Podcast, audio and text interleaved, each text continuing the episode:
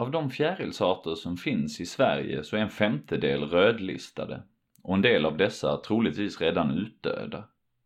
Och I Tyskland visar studier att den samlade biomassan av insekter minskat med över 75% sedan 80-talets slut. Och liknande larmrapporter kommer in från flera håll i världen. För att kunna förstå den här dramatiska utvecklingen så måste man ställa frågan Vad är det som har hänt med landskapet?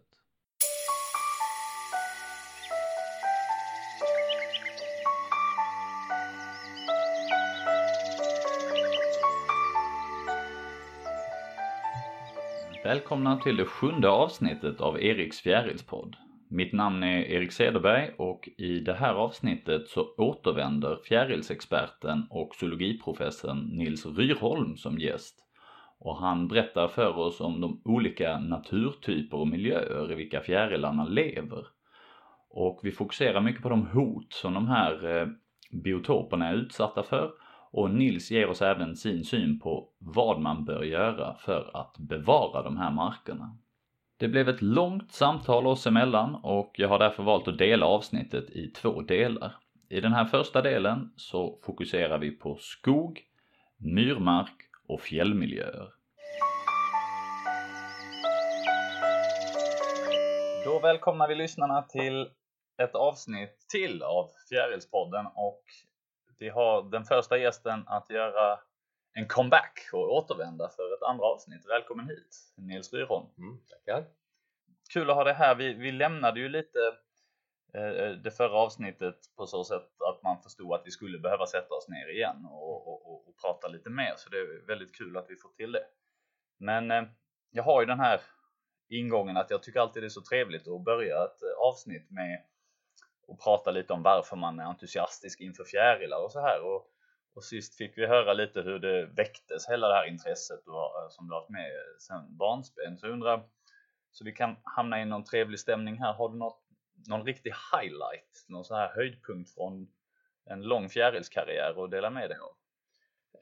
utifrån vad du sa skulle jag nog vilja hellre börja i en annan ände här. Att, att jag då, jag pratade förra gången om det här att min första då fjärilsbok, eller egentligen insektsbok, var ju Landins Sveriges insekter tror jag den heter. Och sen den andra var ju då Bror Hanssons Att samla fjärilar. Mm. som jag då, då, den första fick jag med mina föräldrar och den andra köpte jag då på ett antikvariat när jag var ganska liten. Och eh, i där så stod det bland annat om det här med då lampor och elverk att fånga på natten. Och ja. elverk var ju då långt bortom mina räckvidder. Men jag sparar ihop pengar då för att köpa en blandljuslampa. Jag minns inte om det tog mig ett halvår eller ett år. Jag tror den kostade 15 kronor. Men det var ju rätt mycket pengar då när man hade en spänn i veckopengen och sånt där va. Så det tog ett tag. Och man ville helst göra någonting annat.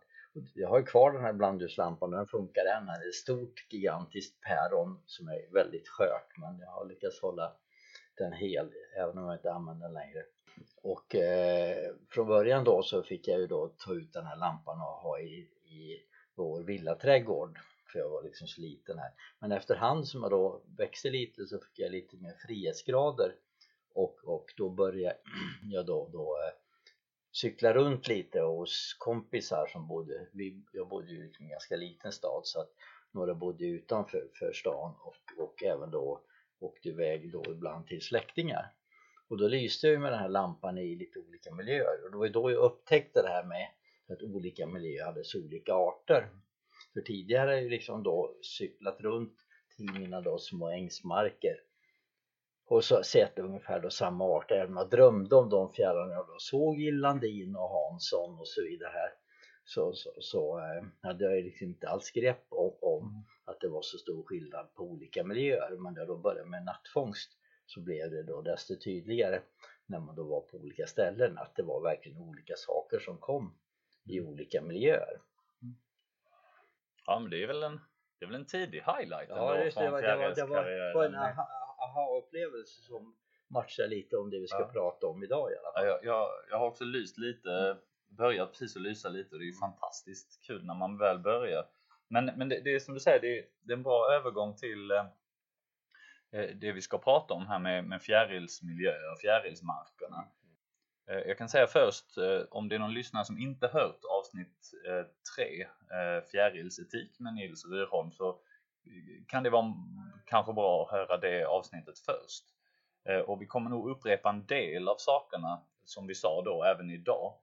För eh, vi tog liksom vägen att vi, vill, vi ville se en slags fred mellan samlare och skådare vad gäller fjärilshobbyn där det har stundtals varit lite hetsk debatt och att vi kan blicka framåt till någon form av gemensamma krafttag för att faktiskt utföra insatser, naturvård, inventeringar och liknande för att det ska gå bättre för, för fjärilarna. Så om, om vi då, som vi sa förra gången vi såg så att man ska inte fästa allt för stor vikt vid enskilda fjärilsindivider utan det handlar om populationerna och det handlar om deras livsmiljöer. Så tar vi oss an livsmiljöerna idag och tittar på vilka olika typer, naturtyper som du var inne på, eh, finns det.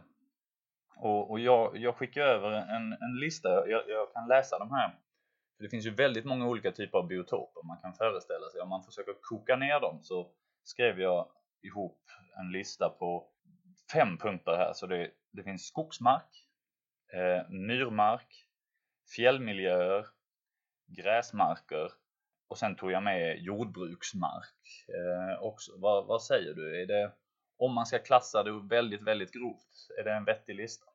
Jo, det är väl eh, så sett. Om man tittar nu på sådana olika habitatklassificeringar så innehåller de ju hundratals varianter, men eh, det är ju inte så aktuellt. Så det här är väl en, en bra mellan tummen och pekfingret grej. Jag skulle hoppa tillbaks lite här då att, att, eh, att eh, det här med biologisk mångfald var vi lite inne på och eh, Johan Rockström är ju då numera väldigt bekant då med mycket av de här klimatgrejerna och så men han slog ju igenom, eller om man nu ska säga, eller de slog igenom, det var väl ett konsortium 2009 eller 2010 när de skrev då, ett, då om jordens planetära gränser och, och eh, det som de kommer fram till är ju då absolut mest hotade är den biologiska mångfalden och FN har ju då, då eh, kommit fram till i år att det är en miljon arter som är då, eller i år, förra året eh, då, då, eh, som är utrotningshotade, alltså verkligen är utrotningshotade som kan försvinna från planeten. Så att, att det här med biologisk mångfald är ju enormt viktigt för våra ekosystemtjänster även om Australien brinner och det är väldigt uppenbart att klimatet är illa ute så gör ju liksom med klimatförändringen inte läget bättre för den biologiska mångfalden. Nej. Och det här är ju då någonting som man ska ha med sig när vi nu pratar om de här andra sakerna. Mm. Att även i Sverige så den biologiska mångfalden då extremt viktig för även vår egen överlevnad. Även om man inte tänker på det när man är ute och spankulerar här va. Mm. Och det är därför som det är viktigt att alla som är intresserade då faktiskt så att säga, då, gör någonting åt det hela. Inte bara tycker att någon annan gör fel. Mm. Jag håller med till fullo. Eh, så hur, hur, ska vi ta oss an det här? Kan man, kan man börja fråga sig, är, är alla miljöer lika illa ute? Vi, när vi pratar om fjärilar, vissa är rödlistade, andra inte. Eh, finns det några miljöer som vi har i Sverige där, där man kan säga att det här, det här har klarat sig ganska bra eh, och andra som har klarat sig sämre eller är det, går det lika snabbt ut för överallt? Alltså jag skulle nog vilja uttrycka det som så att, att hoten ser väldigt olika ut och i och med att hoten ser olika ut så är tidsskalan olika. Men det finns väl ingen miljö som inte är så att säga då illa ute på grund av mänskliga aktiviteter. Det är då mm. frågan om det så att säga det förändrade klimatet eller mer så att säga jordnära kortsiktiga då, då aktiviteter som, som spökar till det. Mm. Så att, att tidsskalan varierar men hoten finns i princip överallt på planeten nu, mm. inklusive hela Sverige. Om, om vi eh, tar, tar eh, och betar av listan som jag läste upp tidigare, eller vad säger du? Ja, det kan och, jag. Eh, börjar då med skogsmark och där har vi skogsmarksarter. Eh, vad, vad, kan man säga om skogen som livsmiljö? Det är väl, för att göra lite distinktioner här, att, att man pratar ju om att den här barrskogen finns ju olika schatteringar och den också. Det är ju så kallad taigaskog. Och sen så har vi då, då, då eh, lövskogar längs kuster i söder, alltså morala skogar. De är ju ganska olika och har ju då ganska olika hot här för att, att vi har ju förut härjat ganska mycket med lövskogar men de är ju så att säga inte längre utsatta för samma då, då storskaliga drift för mycket av de gamla träden har försvunnit redan. Men däremot så att säga taigaskogar då då finns det ju väldigt lite kvar som är naturliga. Det är liksom under en procent som är så att säga då, då kvar av Sveriges då taigaskogar ungefär i runda slängar. Sen har vi då enorma mängder med metall och granplantager. Mm. men det är ju så att säga då, då, då inte egentligen per definition en skog, det är en jäkla massa träd men det, man kan ju liksom inte säga att en veteåker är en äng fast det är öppen mark med massa gräs på. Och egentligen borde vi alltså ha en distinktion i det svenska språket så som man har i de flesta andra språk. Att, alltså, så att säga, en planterad trädåker inte är samma sak som en skog. Eh, så när, när du säger skog då, då menar du naturskog, en plats som är relativt ostörd från mänsklig eh, påverkan under lång tid? Alltså det är, ingenting är ju helt ostört här. Antingen har vi kvävenedfall eller vi har förändrat klimat eller då någon form av orört av skogsbruk om jag uttrycker mig så. Ja, eller i alla fall mindre då, då ofta då, då rört av, av skogsbruk här va. Så att, att eh, och, och, där vi har den största hoten då eh, när det gäller tajeskogen det är ju liksom det så kallat industriella eller rationella då industriella skogsbruket här va för det är ju än så länge då ett mycket större hot än klimatet förutom då att, att, att eh, sådana här monokulturer brinner ner vilket vi såg då, eller upp beroende på perspektivet som vi såg 2018 här. Mm.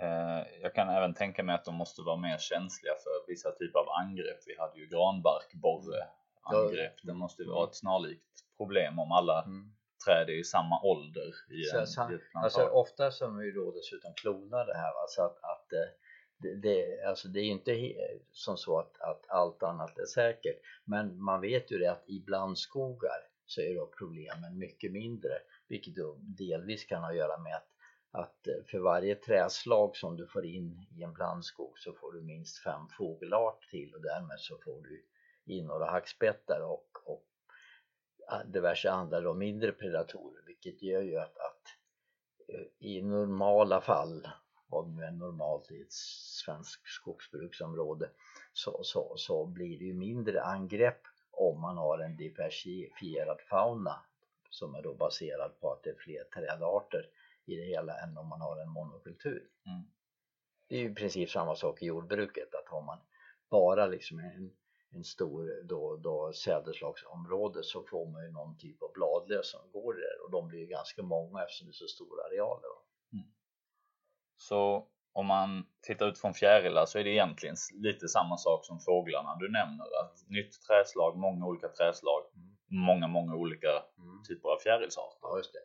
Och då får man ju interaktioner så att, att där har, man brukar ju i, i runda slängar säga att varje växtart har, har ungefär 10 insekter på sig, alltså inte bara fjärilar. Och så att säga ett gammalt träd då, vilket är vanligen då en ekos har så är tusen arter på sig då, eller upp till tusen arter, det kanske inte på varje individ. Och då är det ju både lavar och, och svampar och det ena med det andra är alltså inte bara insekter. Men, men, men, men med ålder, med ökad ålder så blir det fler arter. Och ju fler så att säga, träd, växtarter som finns på stället desto fler så att säga, då, vertebrater blir det ju och för varje så att säga, då, då växtätande insekt så kanske det kommer 5 till 10 då, parasiter på den här och på varje parasit så kanske kommer någon hyperparasit så det är verkligen katten på råttan, råttan på repet. Ja, ja, ja. Så om man utifrån den biologiska mångfalden för att få tänka sig en skog så vill vi ha många olika träslag, vi vill ha eh, lite olika ålder på träden kan jag tänka mig och vi vill ha de här riktigt gamla bjässarna med också för att det ska bli bra eller? Mm, det ska ju vara olika åldrigt för att då blir det ju en del ved i det hela och det blir ju då luckigt. Man kan ju se när man är ute och åker och om man åker längs inlandsvägen i Norrland så kan man ju se var du har de här plantageskogarna för då har man en rak överkant för alla träden av lika ålder om man då mot förmodan kommer till något ställe där det finns då, då eh, äldre skog så kan man se att profilen är som över en stad, att det varierar i höjd. Det var ju bra och enkel eh, metod att ta mm. till. Mm. Mm. Det var en tanke jag hade. Jo, eh, en annan sak att nämna kan ju vara det här att död ved, en annan sak i skogen. Man tänker sig i, i produktionsskogen, de här trädplantagen. Mm. Eh, där rensas sånt bort ganska snabbt eller har i alla fall gjort sen, sen tidigare. Men är man intresserad av biologisk mångfald så är man intresserad av de döda träden också. Ja, de är ju väldigt viktiga här. Jag fick en aha-upplevelse då jag eh, besökte då, eh, som det då heter, Leningrad här då, strax efter då Sovjetunionens fall innan det blivit Sankt Petersburg. Och då åkte vi igenom de här då stridszonerna då där så att säga då. Eh, Sovjetunionen försökte befria Finland här då under eh, vinterkriget. Och, och eh, eh, de zonerna har ju varit helt så att säga då, då förödda av då hårda strider då under vinterkriget respektive fortsättningskriget. Och sen så då har de ju varit helt då ut, eller låsta för, för då, då eh, även sovjetiska medborgare att komma till då, då, så att nu kunde man åka igenom. Och där så att, då hade det alltså då vuxit upp utan någon direkt mänsklig påverkan de här då, då no-go-zonerna emellan. Och det var ju alltså ganska mycket då, då träd som var sådär 50 år eller vad nu det här var, måste tänka efter när det var. Det här var ju 19, början på 1990 så då det var ungefär 50 år eller knappt 50 år så det var ju ganska mycket ungskog. Och då såg man ju då hur ser det ut om det bara får växa upp av sig själv? Och sånt har de ju aldrig sett i Sverige då, då. För, för här rensas ju då, då de träden som konkurreras ut av andra träd som står för mörkt och sånt, de försvinner ju här. Och det görs ju liksom då kontinuerligt. Så det här med att det ligger driver av döda unga träd där det flyger då, och då, då flockar med vitryggiga hackspettar var ju verkligen en aha-upplevelse som man liksom inte då kunde tänka sig då, då eftersom jag inte är tillräckligt gammal för att ha sett då den här typen av döda ungträd någonstans i Sverige. Mm. Och om eh, fjärilsnördarna som lyssnar inte känner till vitryggig hackspett så är det en utmärkt, ska man säga, någon slags indikatorart? Ja, det är en indikator, indikatorart på, på mycket så död, döda unga träd och liksom lövträd som har barken kvar. För, för det är liksom under Tydligen så är vitryggig hackspett lite mjukare i truten om jag har förstått saken rätt här så att, att den gillar att fläka bark istället för hacka in i veden här och där blir den lite utkonkurrerad av större hackspett med mera. Och jämför man med Sverige så är den här extremt sällsynt eh, mm. fågel som man som ja, skogsbru skogsbruket har i stort sett tagit bort alla dess habitat. Vi har ju mm. lagt då hundratals miljoner på att bevara nålastackare då i, i nedre Dalälvsområdet där det finns tillräckligt med att de eventuellt möjligen kanske ska klara sig. Men de finns ju kvar i Norge i då fjällbranter och de finns i Baltikum här då. Och de har ju funnits i Sverige tidigare innan skogsbruket tog alla lämpliga habitat för dem. Mm.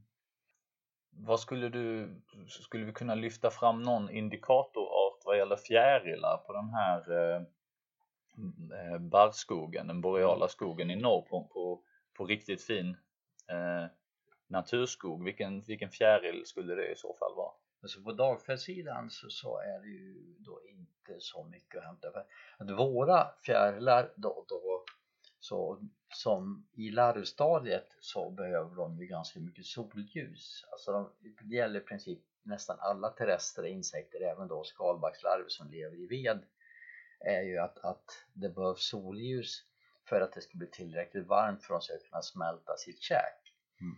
Så att, att, att eh, det betyder att, att vi hittar inte särskilt mycket dagfjällar i, i mörka skogar och vi hittar en, då, då en del nattfjällar för de larverna kan leva då liksom högre upp så de är solexponerade. Det är ju varierar från art till art. Och, och som en parentes det innan jag svarar på det vad du egentligen frågade så är det ju också som så och det är därför det är så viktigt med att ha de här då olikåldrarika skogarna. Det är något gammalt träd och rasar kull, producerar död ved men också en lucka i skogen som gör att solen kommer ner. Och, och det är just i de här gläntorna så som man får den här diversiteten för många arter. För att, att i en produktionsskog så får du aldrig solen till marken och där så att säga då betyder det ju att det blir ganska dött. Mm. För den som har gått in i en ganska ung granplantering som är 15 till 40 år som inte då är hårt gallrad så är det ju liksom i princip dött på marken. Det, det växer då något halvgräs och finns lite mossa här va.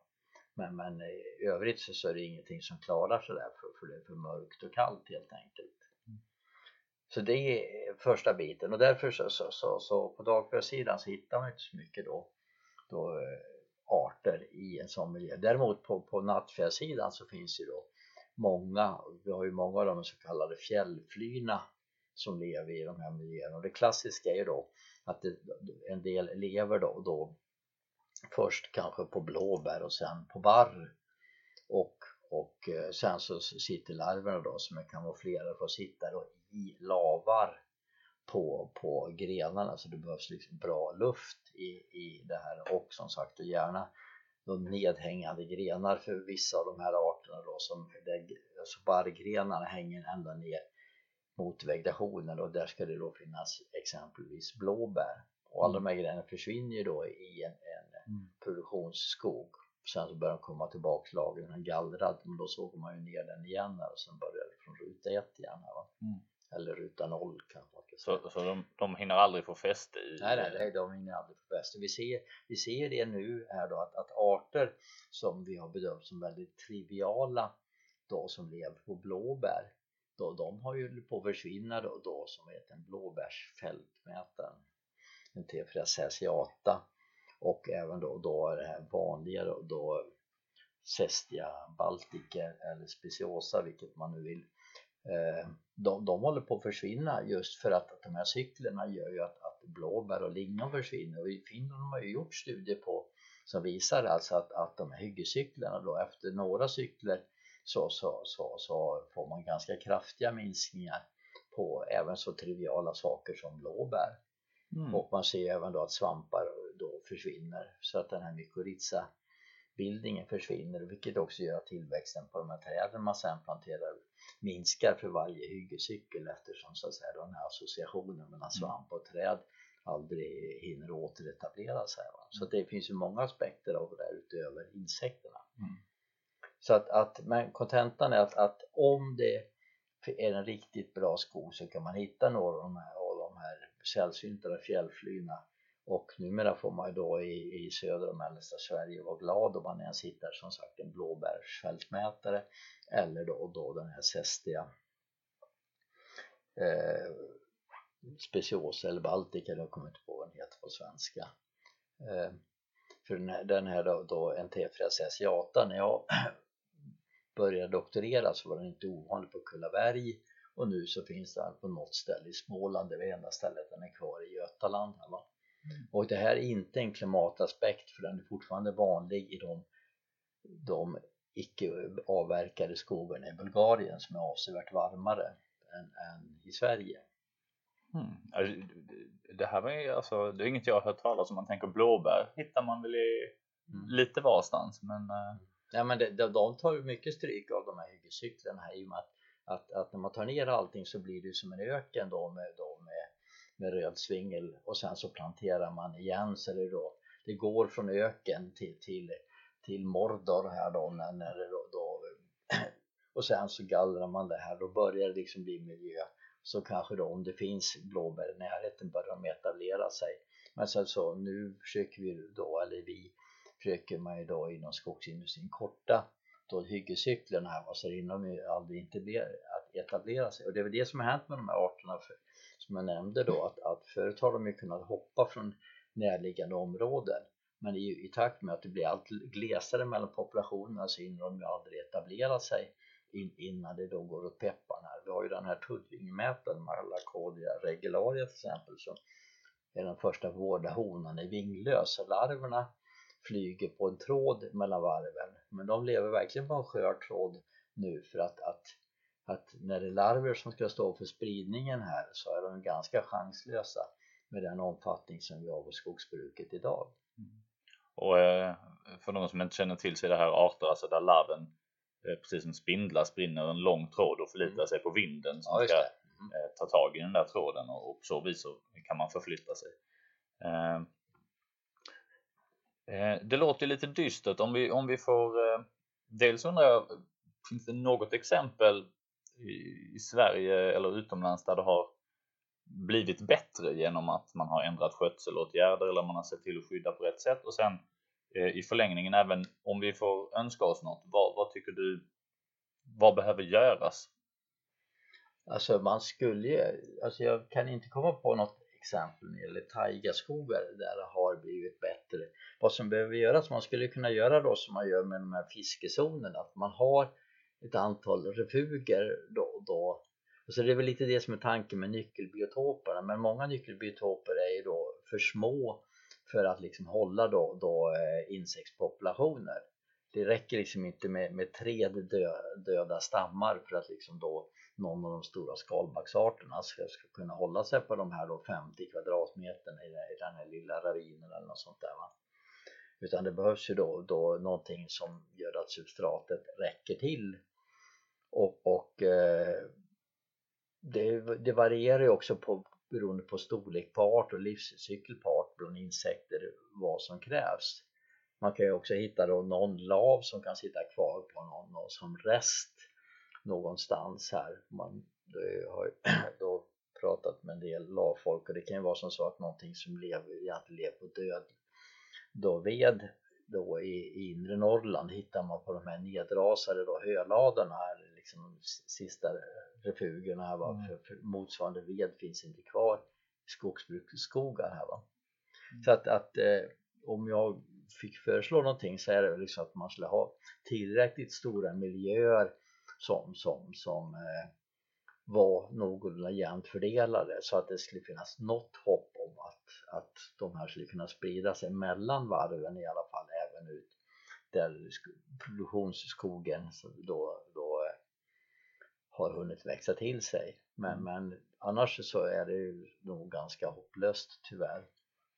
Och det, det som gör det här extra knivigt är väl också att vi talar om ganska långa tidsspann för att lyckas återställa någon, någon form av vettig eh, livsmiljö. Om vi pratar om örter och gräs så behöver vi inte jättemånga växtsäsonger för att de ska ta sig. Men ska vi ha en 500 år gammal ek som är ihålig och har liksom alla de här livsmiljöerna då då tar det, det 500 år. Ja, det, det, det är svårt att stressa fram. Man kan stressa en del träd lite grann. Och, mm. och, och... Vi har ju kört sådana här saker att vi kör motorsåg i dem för att de ska liksom börja ruttna och sånt. Mm. Men det är ju ändå som så att, att vi går ju inte ut liksom i en produktionsskog och liksom kör motorsågen på tvären genom träden för det vore kanske inte så poppis hos markägaren utan det är bara sånt som går att göra där man då, då aktivt vill så att säga, understödja med. Mm.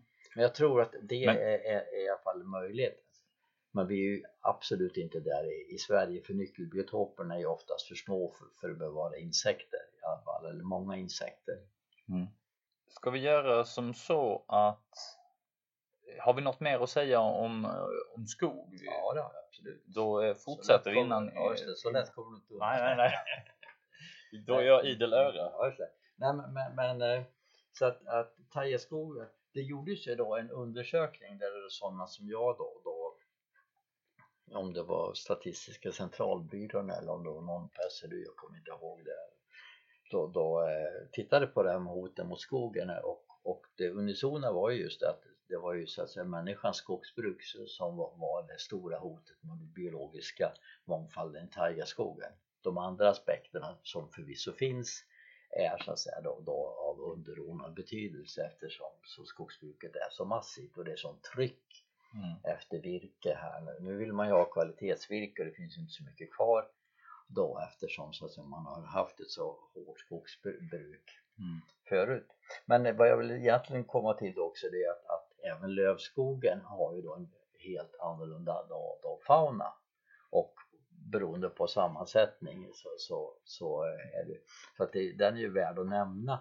Men där är det då, då, då inte så att säga det hårda då trycket längre eh, som har varit. För mycket av den så kallade ädelskogen är ju i dagens läge skyddad och man liksom uppskattar att kunna gå i den och det ena med det andra här. Så att, att, eh, att, eh, att där händer mycket inte på det sättet. Men det finns ju då andra då, då hot mot den. För den är ju längre söderut och där har vi då ett kvävenedfall från så att säga vår egen då, då industri, våra egna transporter plus omgivande länder. Och kvävenedfallet gör ju då att, att, att allting gödslas. Jag pratar inte om skogsgödsling norrut, det kan man ju också göra men brinner inte med allting.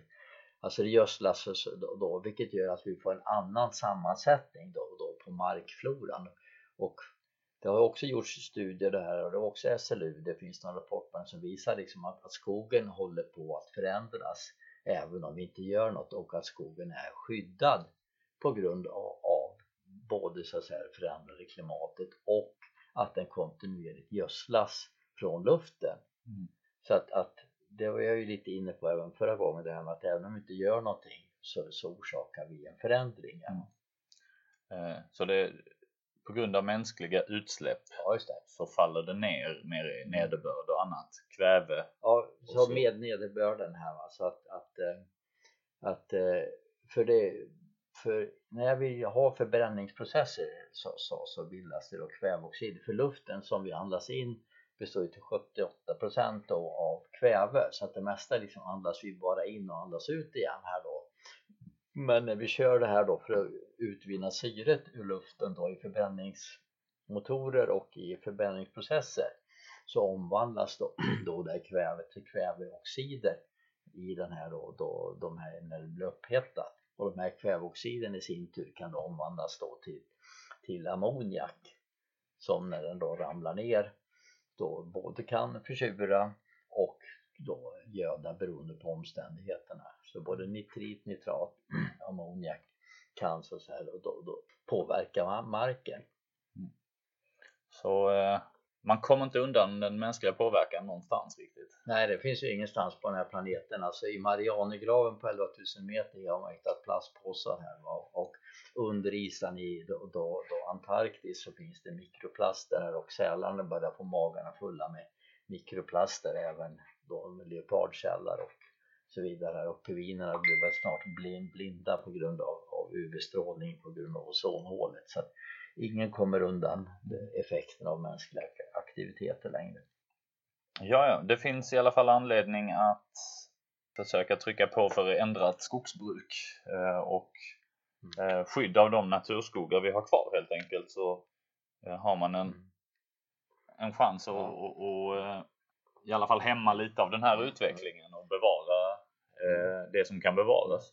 Min vän och eh, kollega Ola Jennerstein på WWF håller nu på att skriva en bok om, han har jobbat mycket med liksom svenska kulturmarker i många herrans år och han håller på att skriva en bok om hur man skulle kunna använda sin skog på annat sätt liksom att, att med hjälp av turism och friluftsliv och så att säga då kanske då någon form av, av då, eh, odlingssystem och sånt i skogen så skulle man kanske kunna då faktiskt tjäna mer pengar under sin livstid än det här då, då cykliska hyggesbruket.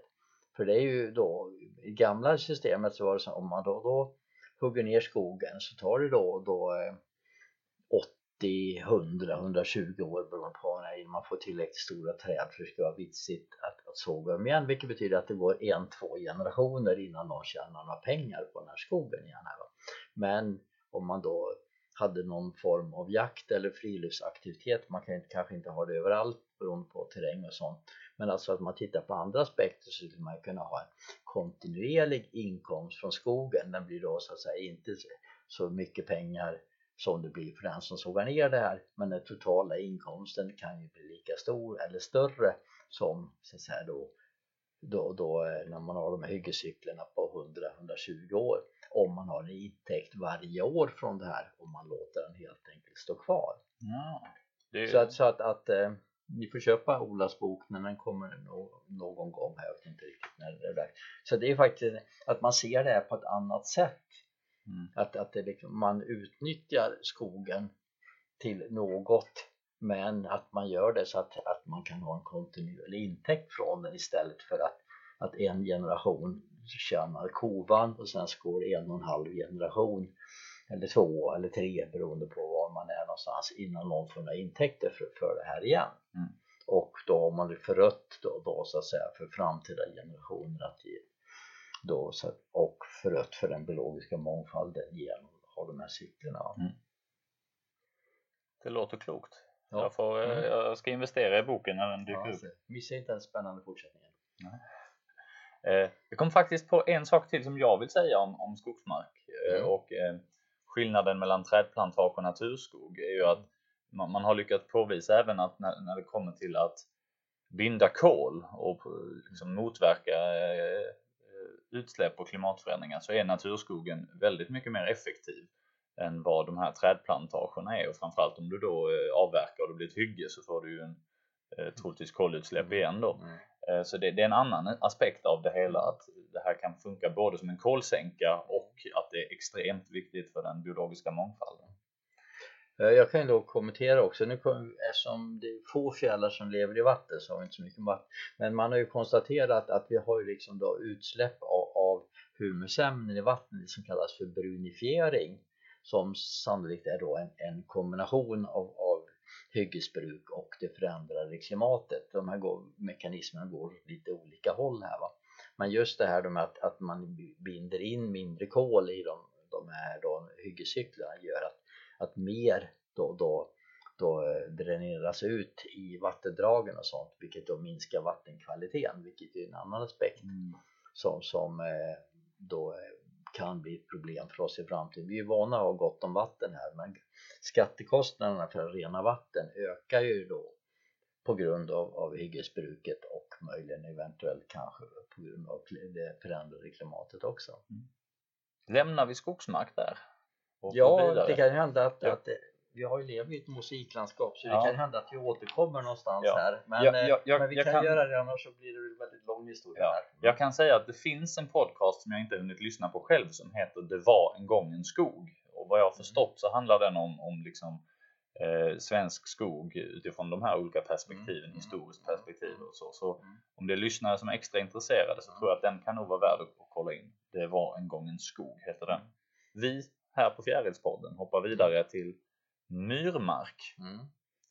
Eh, jag vill minnas att jag läst någonstans att för myrmarksarterna, i alla fall vad gäller dagfjärilar, så är det hyfsat stabilt om man jämför med eh, en del andra. Eh, och sen har jag hört andra bud att i södra delen av Sverige så går det inte alls något bra för myrmarksarterna medan det är mer stabilt i norr och sådär. Hur är det, mår myrarna bättre än skogen? Nej. Nej.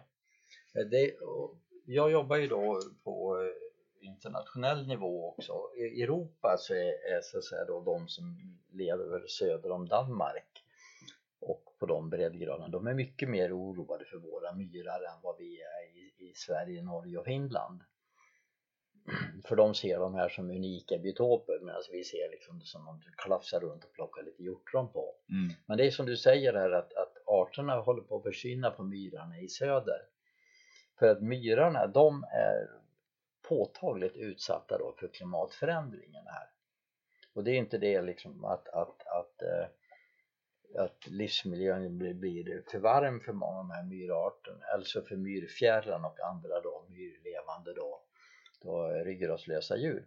Men myrarna är ju då öppna på grund av, att det kommer då smältvatten på dem ofta som gör att, det blir så blött och klafsigt att träden blir förkylda och dör i unga år så de inte växer igen.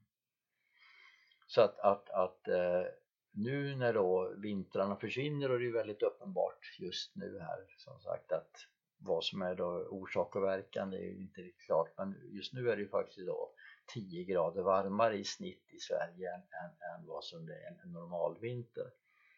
Mm. Och det är ju då rätt extremt. Tänk att man ska vara 10 grader varmare i medel på sommaren här. Mm. Då skulle vi liksom eh, känna oss jättenervösa. Då, vi, vi hade väl eh, nästan en ja. släng av det 2018 Ja just det, men då var det ju 5 grader varmare ja. normalt i medeltemperatur här. Så att 10 grader skulle bli en ännu läskigare historia. Mm. Eh, men eh, så kontentan då av det här är ju att, att vi har inte någon snösmältning i den omfattningen och därför så har vi liksom då ett jämnare vattenflöde. Så att många myrar då, är, då utanför det som fortfarande är snö håller ju på att växa igen. För att liksom tallen till, då har inga problem längre att etablera sig. Då, då får det inte till gott. Och det andra då, är ju att, att förut så har det ju varit så blött men när det har frusit så har vi fått massa isskjutningar som då kvaddar de vedartade växterna också. Så det mm. har varit väldigt svårt att etablera sig på myrar för vedartade växter. Men nu i det förändrade klimatet så växer myrar igen i då rätt snabb takt. Så att det kommer bli allt mer illa för, för, för allting som lever på de öppna myrarna. Så det är igenväxtning som är hotet till följd av den här klimatförändringen som påverkar smält eh, och snönederbörd och allt som du nämnde. Eh, mm, det är ja, det som blir det slutgiltiga ja. dödsstöten för myrarterna, det blir att ja. de växer igen helt enkelt. Ja, alltså inte myrarterna växer inte igen, men myrarna Nej, växer myrarna igen. Växer igen. För det, om man tittar då på, på, på, på, på en myr, så att för de som varit ute på en myr så vet man att det är kallt och jävligt på natten och älvorna dansar här och myggen biter innan det blir för kallt i alla fall. Det är liksom kallt och rått på natten.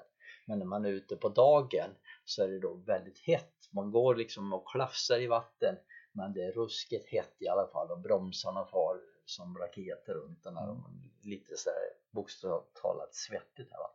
så myrarter är ju då, då eh, insekter är ju oftast väldigt värmekrävande. Vi kan alltså se att vi har ju då sådana här arter som Idea muricata skulle vi kunna ta en liten lövmätare som lever alltså på sandmiljöer, alltså varma sandmiljöer i södra Sverige. Men i kallare klimat så lever den ute på myrar där det liksom då är hett. Och det finns då en del andra sådana exempel också. Så med arter som då är värmeälskande som då skenbart konstigt då lever ute på myrar men det beror på att det är en sån en högmosse blir väldigt varm under soliga perioder. Det, så, det, det, nej, jag tänkte, det låter nästan som en någon märklig svensk motsvarighet till de här öknarna i Afrika. Man har talat om att det är stekhett på dagen och så mm. kommer den här eh, mm. eh, vinterkyla med extrem temperatursänkning. Mm. Ja, det, är, alltså, det, det är ju torrluft så det är kanske då större temp men det är ändå väldigt mycket så att du har stora temperaturfluktuationer för i vår del av, av världen. Ja.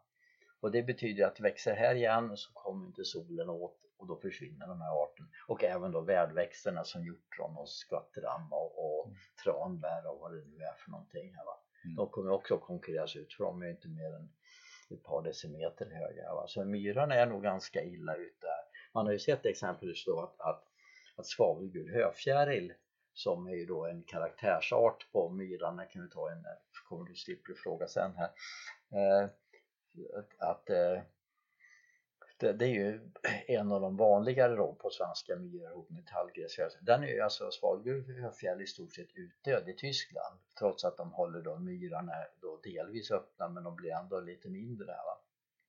Så, så, så att, att eh, vi kommer ju tillbaks till den till fjällmiljöerna men Svalgul höfjäll finns på högre nivåer i Alperna men de här myrmarkerna, alltså då vid Alpernas fötter och i, i Nordtyskland i liksom gamla då, eh, moränmarker de, de är antingen borta eller på fallrepet. Eh, eh, vad var det, om man håller myrarna öppna i, i Tyskland och de ändå inte trivs, vad, vad, vad är det Ja men det är väl liksom just det att, att, man satsar inte på, på de arealer som behövs här va? Liksom att mm. det räcker inte att hålla 100 gånger 100 meter som man kan ut och titta på hur en myr ska se ut här va? Det räcker inte för att hålla en population det är ju som vanligt som så att, att, att vi är ju inte villiga att satsa så mycket på, på naturvården som skulle behövas för många saker. Man kan se då på Holland en liten utvikning, det gäller ju inte då myrar men, men nu ska vi se, man ska säga Nederländerna nu har de just bestämt sig för här. Så I Nederländerna då och England, alltså södra delen av det som fortfarande är Storbritannien så, så, så satsar man ju mycket, mycket mer pengar på att bevara de sista arterna. För där har ju liksom artutdöende gått mycket längre. Så där är man ju liksom villig att då satsa pengar för att man ska ha några fjärilar och några fåglar kvar. Men för oss som så att säga då, då har mycket mer kvar så, så, så är vi ju inte villiga att satsa de pengarna än för vi tänker liksom inte på att det här är något problem och går man då österut här till, ska jag säga, då, till Baltikum till östra Polen och till Slovenien och så, så har de inte upptäckt problemet än här va. Man börjar upptäcka det i Rumänien där då, då eh, de låglänta områdena nu omvandlas i rask takt till industriellt jordbruk och de har också väldigt höga utdöende hastigheter. Men just det här att, att det tar väldigt lång tid för att, att vi människor ska då fatta att aj då, det här tänkte vi inte på. Va? Man brukar säga det att man saknar inte kon från båset är tomt mm. och det här är ju väldigt många små bås som vi tömmer i rask takt här. Mm. Det verkar ju svårt att, att på något sätt ta sig an problemet om, eh, om det drivs av klimatförändringar. Vad, eh, vad kan man göra? Kan man tänka sig att man kan skydda större myrar om man ser till att eh, rensa i kantzonerna, eh, rensa bort ung tall och, så tar man en kilometer varje år och så tar man eh, på så vis och, och lyckas hålla en större myrmark eh, öppen. Är, är, det någon väg att gå eller vad, vad ska ja, man göra? Alltså, mitt förslag, vi har ju diskuterat den här gången, det är att man försöker dämma de, de myrar som är så att säga då lämpade för det så att man höjer vattennivån. Så att även om det så att säga inte då snösmältningen så höjer man vattennivån så att, så att säga då inte då, då, då trädartade växter kan etablera sig på samma sätt så, så kan man ju då kompensera för, för att, att jag tror att det är svårt att, att hålla då de arealer vi har ju enorma arealer då, då, då med myrmark som ingen bryr sig om, om i inre Norrland och några få som vi då försöker skydda då längre söderut. Att, att få, få det med skattemedel att bli de röjda, alltså där är vi inte än att vi vill satsa de pengarna. Men jag tror att det skulle kunna gå att på en del ställen då se till, beroende på hur de ligger då, då geografiskt och vad det för finns hydrologi, att man, man höjer vattennivåerna och på så sätt så kan man parera för det så att säga de förändringar som det förändrade klimatet ger. Mm. Eh, jag vet om vi ska om jag försöker komma med något lyckat exempel så Hunnerödsmossen i Skåne, nu vet jag inte om man riktigt kan det är inte myrmark på, på samma sätt kanske som de här Norrlandsmyrarna men där har vi alkonblåvingen och, och dess värdväxt eh, Klockentiana heter den va? Mm. Eh, och den var ju den var verkligen på väg bort och så är det eldsjälar då som har, har tagit sig an den här mossen, har röjt den och, och fortsätter genom hävd hålla den eh, öppen. Så, och, och, vi har fortfarande kvar alkonblåving i, i Skåne. Är inte det, visar inte det att eh, ett relativt litet antal eh, eldsjälar faktiskt kan göra en insats som är av ja, men avgörande för ja, Absolut, ja. det, det, så är det ju. Men, men om, man, om du som skåning nu då tittar på arealen då norr, eller norrländska myrar här och tänkte på hur många norrlänningar är intresserade av fjärilar så kan du se att det uppstår en viss diskrepans mellan mängden befintliga norrlänningar och mängden befintliga norrländska myrar. Ja, det, ja, det, det kan jag, det kan jag skriva, skriva under på. Jag försöker bara Jo, jo, men alltså det är ju som så och det är ju någonting vi kommer till väl till slut här också. Det är ju det att, att om vi ska då bevara den biologiska mångfalden tills vi kommer till, till postfossilbränslesamhället då och till att vi kanske får någon bukt med klimatförändringarna då behövs det ju då så att säga många människor som engagerar sig och det är ju en viktig bit att verkligen se naturen och det som händer.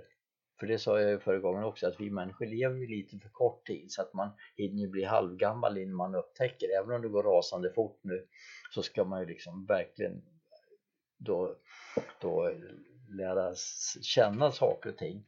Eller så att säga då, då hängt med ett tag för att förstå skillnaden mm. eller inse skillnaden och just därför så, så behövs det ju att, att man jobbar på saker. För annars så går ju saker och ting ut innan man riktigt förstod vad som hände. Va? Ja, jag vill bara lyfta fram det var inte bara någon slags skånsk lokalpatriotism som ja, jag gav, ja, gav röst åt. Ja, utan jag vill, jag vill inte att, vi låter allt för, att det låter allt för hopplöst här. Nej, utan det, det, det, finns faktiskt insatser att göra här för den som vill rädda fjärilar och rädda framförallt fjärilsmarkerna då som det vi mm. pratar om. Mm. Eh. ja, men alltså det är ju då, då, då, då, då nu kommer jag inte på vad han heter. Det finns en evolutionsekologen då och då som jag pratade om, om förut.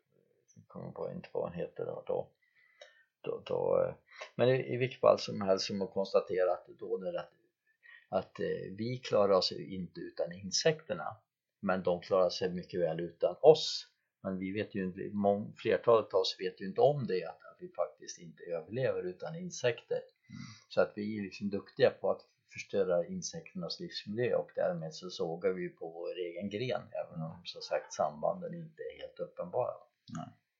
Eh, så att ju mer vi gör desto bättre och det, det ligger ju lite i tiden nu här då med alla bränder och varmare hav och allt annat läskigt här också. Mm. Så myrmark, ytterligare någonting att, att tillägga på, eh, mm. på den punkten? Eller? Ja, vi kan nog räkna med att EU kommer att, att, så att säga, då, komma med propåer att, att vi ska då öka så att säga då, då vårt skydd och vår hantering av myrar för att som sagt det, är som, det, är, det man har gått om tycker man att det är liksom in, inte, inte på något sätt så himla märkvärdigt men, men, men, eh, men det är bara här uppe så att säga i de gamla då, då glacialmarkerna som vi har alla de här då, då sumparna kvar helt enkelt mm. för att myren är ju då extremt sällsynt i, i lågland för antingen är det för varmt eller för lite nederbörd eller också finns det inga då urgrävda svackor där man har den här typen av, av miljöer. Mm. Och även om vi har mycket så är det väl så att vi har haft ännu mer innan man har börjat dika ut i den omfattning ja, som har gjort så det kan, det kan också vara värt att nämna så att man kan återskapa en del myrmark mm. kanske genom att fördämma diken och så. Ja, det finns ja. den typen av insatser också och det går ju ihop med det du sa med att dämma upp och, och få, mm. så, Jag har ju pratat med några länsstyrelser om det här att, att man ska börja med, med det här för det är kanske en billigare naturvårdsåtgärd än att liksom då gång på gång komma och försöka röja de här ställena här va. Mm. Och även på myrarna har vi väl eh, det här med att myrar fungerar också som kolsänkor eh, eller mm. våtmarker mm, ja, generellt. Ja, just det. De funkar också som svampar så att i ett förändrat klimat så, så minskar ju risken för översvämningar då, då att antingen så blir det ju torrt eller också blir det blött. Så att vi har ju haft de här då översvämningarna då som vi hade i Värmland och Arvika och sånt som delvis, ja det var nu 15 år sedan och så där, som delvis beror då på att, att skogsdikningar och myrdikningar här var så att, att då, eh, de här systemen som skulle suga åt sig vatten då har man ju gjort så att de ska släppa ifrån sig vattnet för att inte träden ska bli vattensjuka som jag sa just på myrarna. Mm. Men har man då myrar som kan ta upp enorma mängder vatten så får man ju inte det här utsläppet med en gång som man får direkt efter då stora nederbördsmängder. Va? Och då minskar ju då, då risken för översvämningar. Så det är också en ekosystemtjänst som vi kan ha, ha nytta av. För det är också så att mellan regnen så kanske vi får torka har vi då de här svamparna kvar som släpper vatten under längre period så kan det ju vara bra för odlingslandskapet och för vår egen vattenförsörjning i framtiden också. Mm. Nu tror jag att jag har sagt allt vad jag har att säga om, om myrmark. Ska mm. vi... Ja, då tar vi några myrsteg till fjällen då eller? Ja det gör vi. Mm. Ypperligt. Mm. Eh, fjällmiljöer. Fjällmiljöerna lider ju av samma då problematik som, som, som eh, myrmarken. Att ett varmare klimat förändrar förutsättningarna drastiskt. Vi har ju även då överbetesproblematiken här och var, men det, vi tar en sak i taget. Eh, så att, att, när klimatet blir varmare så försvinner ju glaciärerna och då blir ju även då fjällen torrare. Vilket då ändrar då, då förutsättningarna för mycket vegetation på, på många ställen. Och med ett varmare klimat så får man också en längre vegetationsperiod vilket gör att det kommer in mycket mer gräs och annat här. Och trädgränsen är ju på väg uppåt i rasande fart nu här. Så jag har ju ser det, jag har ju lett ett antal expeditioner, vad heter det? Kurser, ex, exkursioner i fjällvärlden här och under min tid så har ju trädgränsen gått upp med, jag vet inte hur, betyder mer än 100 meter i alla fall på många ställen kanske ett par hundra meter, jag har inte mätt så sånt va. Jag har ju sett glaciärer som har försvunnit då, då, någon kilometer och så va? så att vattenförhållandena och så att säga, vegetationsförhållandena då, då ändrar sig då, då väldigt snabbt i äh, fjällvärlden. Och, eh, om, om vi talar om det, jag ska erkänna eh, att eh, det här är nog den miljötyp jag har sämst eh, mm. koll på. Men ja, det, är som, inte, som, det är inte så gott om, om fjäll i Skåne. Nej, det är inte det. Jag bor i Kalmar. Men ja, det, jo, men det, det hjälper inte. Det hjälper inte det heller. Eh, eh, jag har varit i, fjällen några gånger så, men inte riktigt på någon fjärilsexkursion. Men rätta mig om jag har fel här. Eh, men det är ovanför trädgränsen så har vi en miljö med i alla fall i delar av fjällen ganska rik och intressant flora och där finns det en del arter som är eh, unika för EU är de väl i alla fall. Ja det är de alltså, så det, det är ju ett antal arter. Jag skrev, eller jag har ju hållit några föredrag om det här också. Jag konstaterar att, att eh, fjällarna då i, i norr om polcirkeln är alpinare än fjällarna då i Alperna om man ser på vilken vegetationstyp de lever. Och vad betyder det för den eh, jo, okunnige? Att, att vi har ju olika vegetationszoner i, i bergen här och under den nivala snözonen så att säga då så har vi den som kallas för den högalpina nivån. Och det är där som, som de speciella fjällen lever i våra berg. Medan då, då i Alperna så lever de alltså då i en lägre nivå där de har mycket tätare vegetation. För hos oss så är det, det är samma sak där att de här, även om de lever väldigt högt upp i norr så behöver larverna då massor med sol, även då fjärilarna för att kunna flyga. Man ser ju på de här fjärilarna att de är oftast väldigt svarta längs kroppen för det är liksom när de viker ut vingarna så sitter de då och så suger de åt sig då värmen när de sitter med vinklade vingar så kroppen blir varm. För att även om de lever i den här miljön så behöver de ha så då 30 35 grader i flygtemperatur för att kunna flyga det är därför liksom man inte ser några fjällen när det är kallt och rått när man är i fjällen utan det är bara när solen då, då är och det kan man ofta se om det liksom inte är så himla varmt så, så sätter sig alla fjällar när solen går i moln så börjar de flyga då när, när.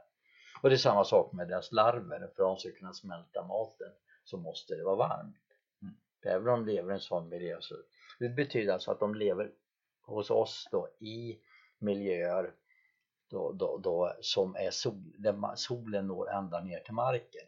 Mm. Alltså i stenravor och, och, och så. Inte i då högre gräsvegetation. Går man ner i de här vackra dalarna med det finns tårta och sånt så flyger det väldigt lite fjärilar utan de här speciella arterna de flyger ju uppe där det är gles vegetation och stenravor och så. För det är där som det är tillräckligt varmt. Mm. Medan i Alperna där solen står högre och lyser ner mellan då och då, då då, då eh, så kan de leva alltså i betydligt tätare vegetation.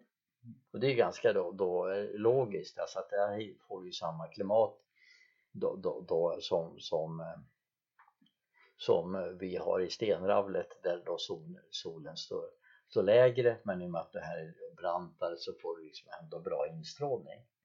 Så om jag förstår det rätt så är det klimatförändringarna som gör att trädzonen trycks eh, högre upp. Det gör att mm. den här, eh, det här området som är intressant för de unika fjällfjärilarna det blir mindre och mindre. Det blir ett smalare och smalare vegetationsband som de kan leva i för att det kommer upp fjällbjörkskog högre och högre upp. Är jag ute och cyklar eller är det ungefär Nej, så? Alltså jag skulle nog som pedagog uttrycka det det här är ju inte intressant. För förut var det ju, alltså det är inte, alltså växterna växer ju inte högre upp för de tycker det är intressant utan för att de faktiskt kan göra det. För vad som hindrar då, då träd från att växa det är att vegetationssäsongen är så kort i fjällvärlden då så att de vedartade växter hinner inte anlägga någon ved. De, när de börjar med det här så är säsongen slut och därför så, så, så har vi då, då, då då eh, inte några så att säga, vedartade växter på, eller åtminstone vedartade träd på, på över en viss nivå. Så det är först när då så det blir så varmt så vegetationsperioden når en viss längd som de kan börja etablera sig. Men det här går ju då ganska fort nu och som sagt det är ju i norr som vi har de största temperaturförändringen. Det är ju redan ett par grader så att säga då, då varmare än vad det varit tidigare då, då så kallade normalperioden för, för medeltemperaturer. Så att, att, att växterna då, då klarar sig högre upp och då försvinner de här livsmiljöerna.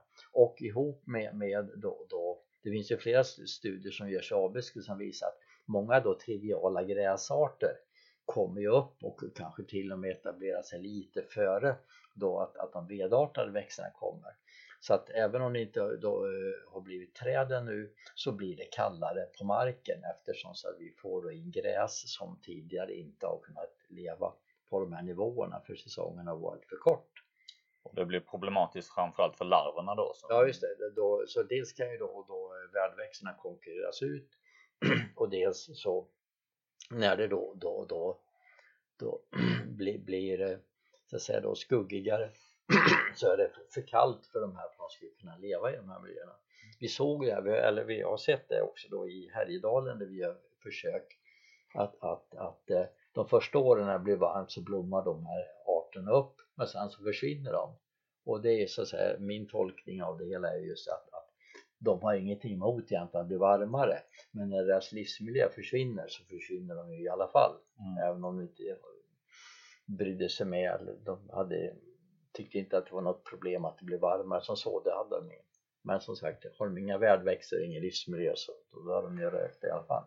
Eh, vad, eh, så här har vi egentligen ett liknande problem med igenväxning som mm. blir det slutgiltiga eh, det som är spiken i kistan mm.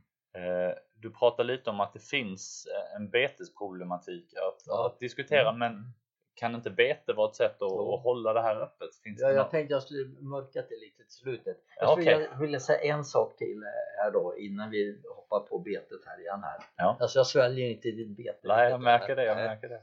Eh, utan eh, det, det, finns ju då flera då, då studier då från så att säga, berg i Europa att, att eh, då eh, arterna så att säga går ju då högre och högre upp men insekterna har ju då oftast lättare att förflytta sig än vad växterna har.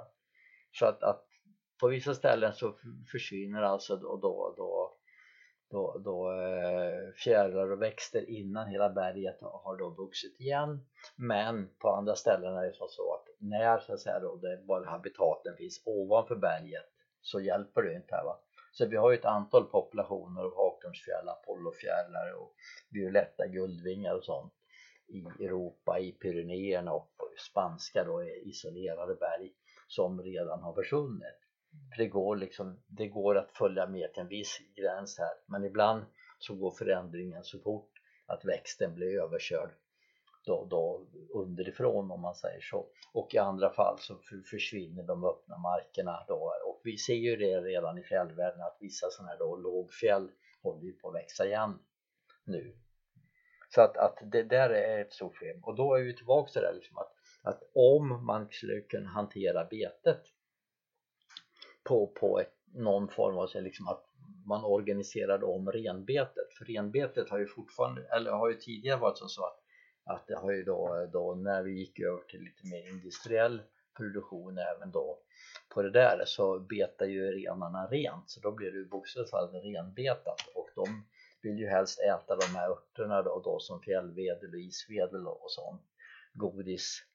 Så både värdväxter för många av de här eftersom det tidigare var ganska ont om, om käk när de här stod glest och man då ökade tätheten av renar så blev det ju renbetat. Så då, då har man ju då förött på vissa ställen. Här Getokläppen var ju sån där klassiskt exempel som nu väl har återhämtat sig men dock inte då fjärilarna då som betades bort. Men vegetationen har ju delvis återkommit. Men om man kunde få till det här så att man hade då någon form av lagom bete hela tiden så att då inte de här vedartade växterna kunde etablera sig här va?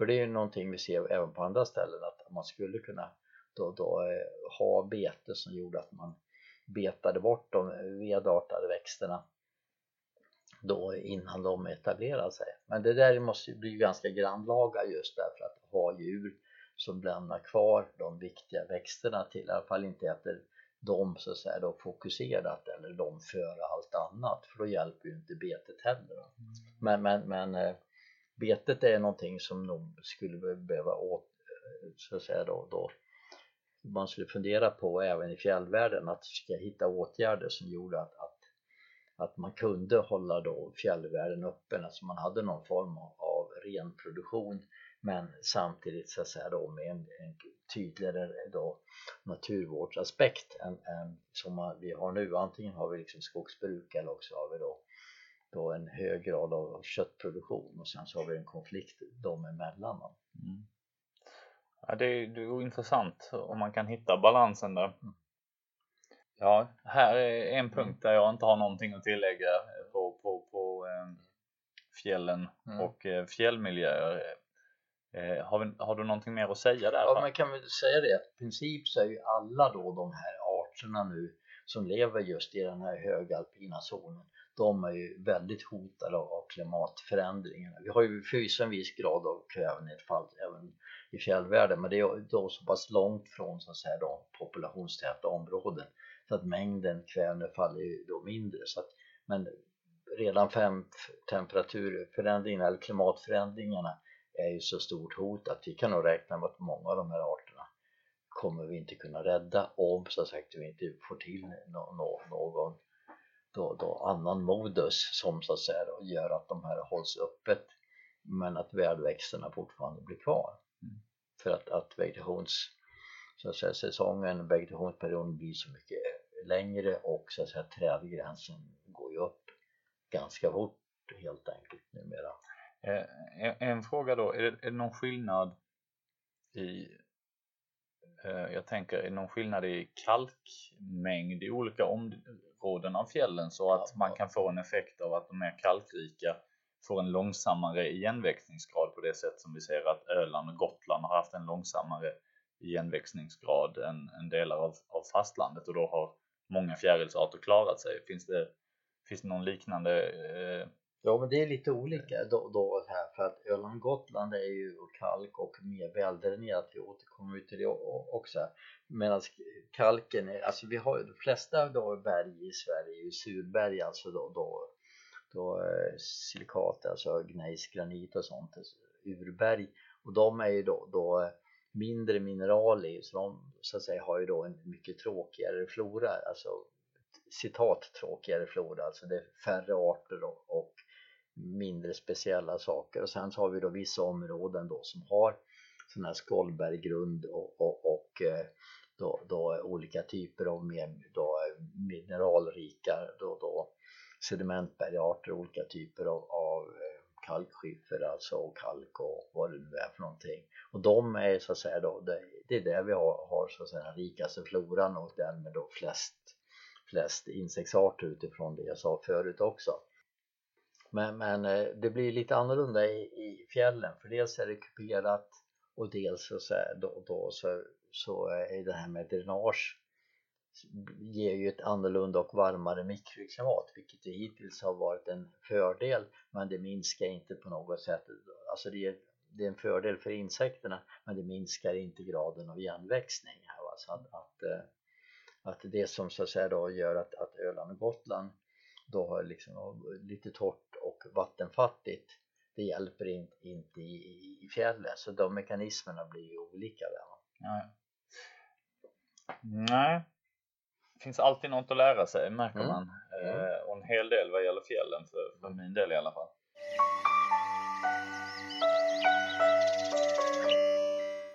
Det var allt om skog, myrmark och fjällmiljöer.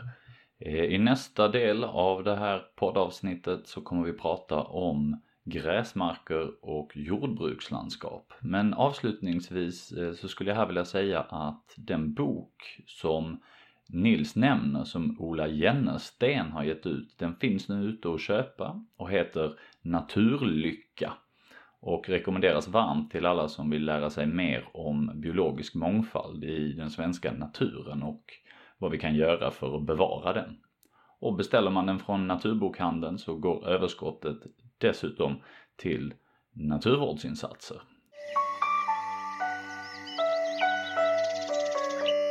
Du har lyssnat på Eriks fjärilspodd. Du kan hitta mer information om podden och dess avsnitt på dess Facebook-sida som också heter Eriks fjärilspodd. Och där kan du även ställa frågor, komma med önskemål, tipsa om gäster du vill höra på podden och ge kritik och konstruktiva förslag. Och om du vill stödja den här podden så kan du göra det genom att tipsa vänner och bekanta om den och dela den på sociala medier. Du kan även stötta podden genom att swisha pengar till nummer 0733 56 49 67. Och bidragen gör att jag kan lägga mer tid på podden och att jag kan betala för den utrustning som behövs för att producera den. Så tack för ert stöd och stort tack för att ni lyssnat.